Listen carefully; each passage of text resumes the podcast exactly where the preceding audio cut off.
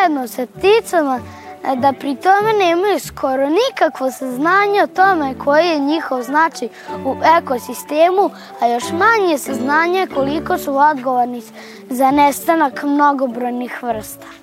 Da bismo saznali nešto više o našim pernatnim sugrađanima, pomogli su nam stručnjaci iz Društva za zaštitu i proučavanje ptica Srbije i učenici osnovne škole Vuk Karadžić iz Novog Sada.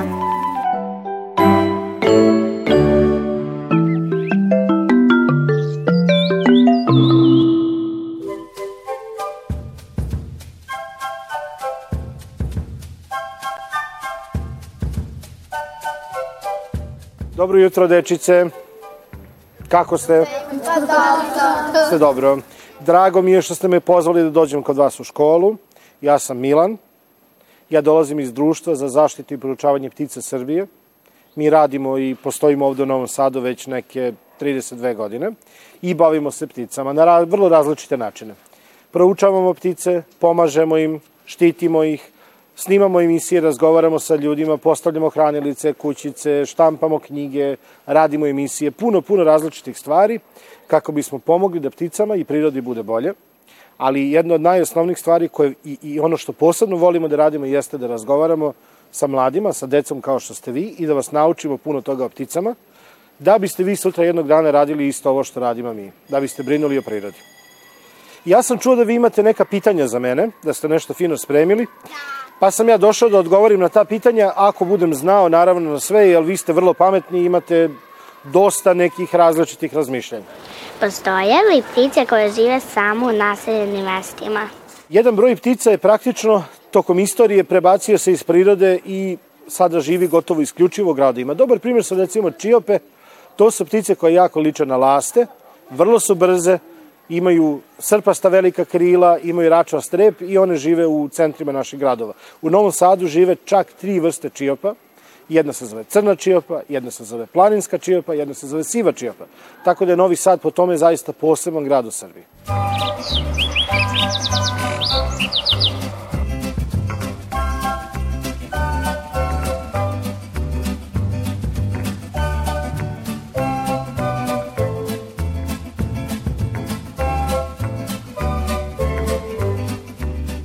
Zar se ptice ne boje ljudi?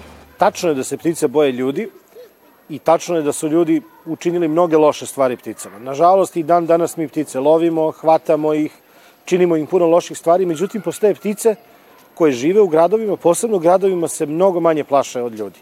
I vi sigurno imate priliku da odete u centar Novog Sada i da nahranite golubove koji uzimaju hranu iz ruke. Gugutke dolaze na vaše prozore.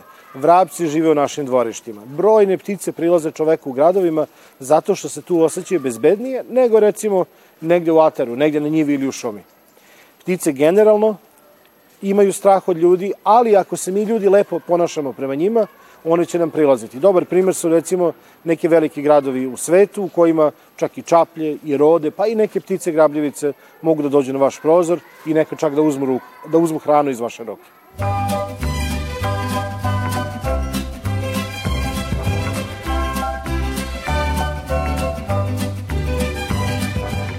li su ptice u gradovima bezbedne?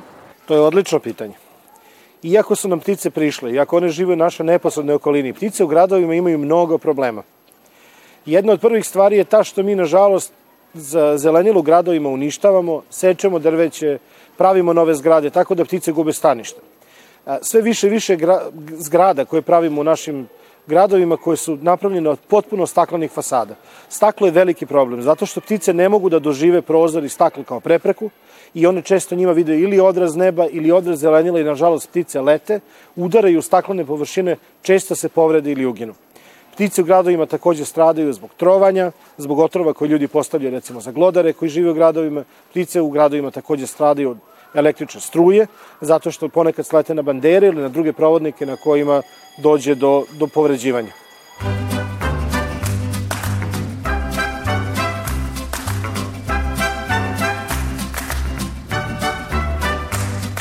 Šta ugrožava ptice u gradovima? Ja mislim da je to pre svega naše ponašanje. Dakle, ljudi u gradovima umeju da budu vrlo nezgodni prema pticama. Recimo, evo daću jedan primer. Jedna vrana koja se zove gačac i koja se gnezdi kolonijalno, dakle prave u često našim parkovima ili na drvoredima veliki broj grupno prave gnezde, jel tako, tu žive.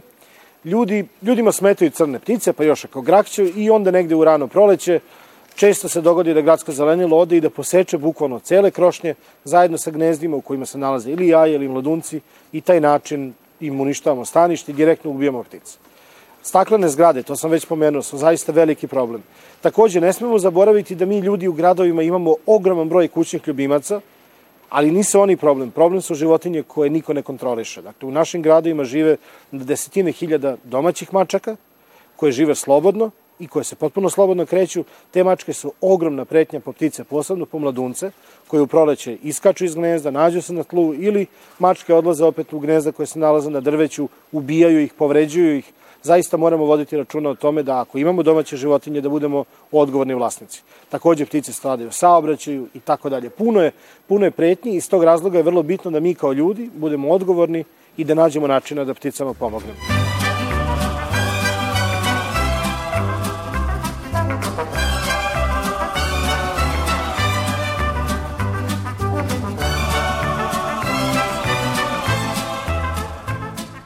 Na koji način možemo pomoći pticama u gradovima? Pticama u gradovima je najlakše pomoći tako što nećemo uništavati staništa.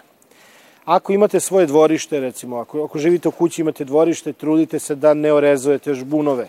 Nemojte poseći drvo koje imate u dvorištu. Ako imate mačke, već smo rekli, vodite računa da su vaše mačke vaši kućni ljubimci i da ne treba da žive cele godine na polju i time da prave štetu pticama. Ponudite pticama u vreme leta, posebno kad su jako žarki meseci kao što je jun, juli, avgust, posodicu sa vodom. Menjajte vodu više puta dnevno, nek uvek bude sveža vode. Na taj način će ptice koje žive u vašem kraju doći na tu vodu, napojiti se i tako ćete im spasiti život. Ali ono što je takođe dobro jeste da možete da ih posmatrate. Dakle, ako stavite hranilicu ili pojilicu za ptice, vama ptice prilaze i vi polako postajete prijatelji, što je vrlo važno. Onda možete da naučite kako da ih razlikujete, koje ptice su veće, koje su manje, kako pevaju, koje boje im je perje, kakve razlike između mužjaka, ženke i tako dalje.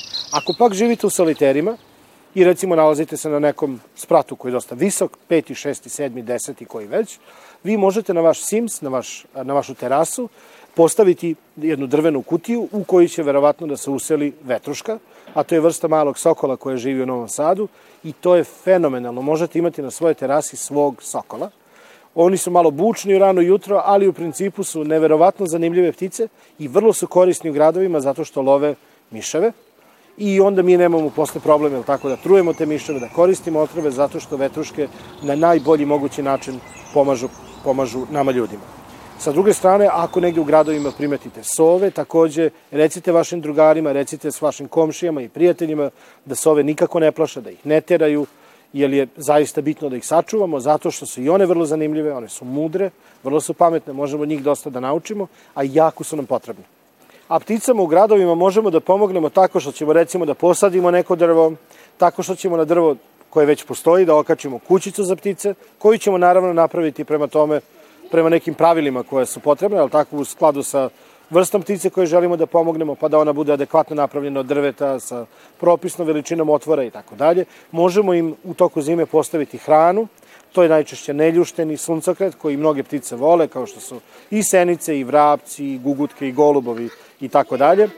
Pticama takođe možemo, možemo pomoći tako što ćemo na naše prozore i na staklene površine postaviti neke trake ili siluete drugih ptica tako da oni ne bi letele i udarale se i povređivale na njima, tako da je puno, puno načina, ali pre svega mislim da je najvažnije naše ponašanje, a to je da vodimo računa da prema pticama, kao i prema našim drugarima i prema ljudima, budemo dobri, da im ne uradimo ništa loše i onda ćemo sačuvati i ptice i prirodu.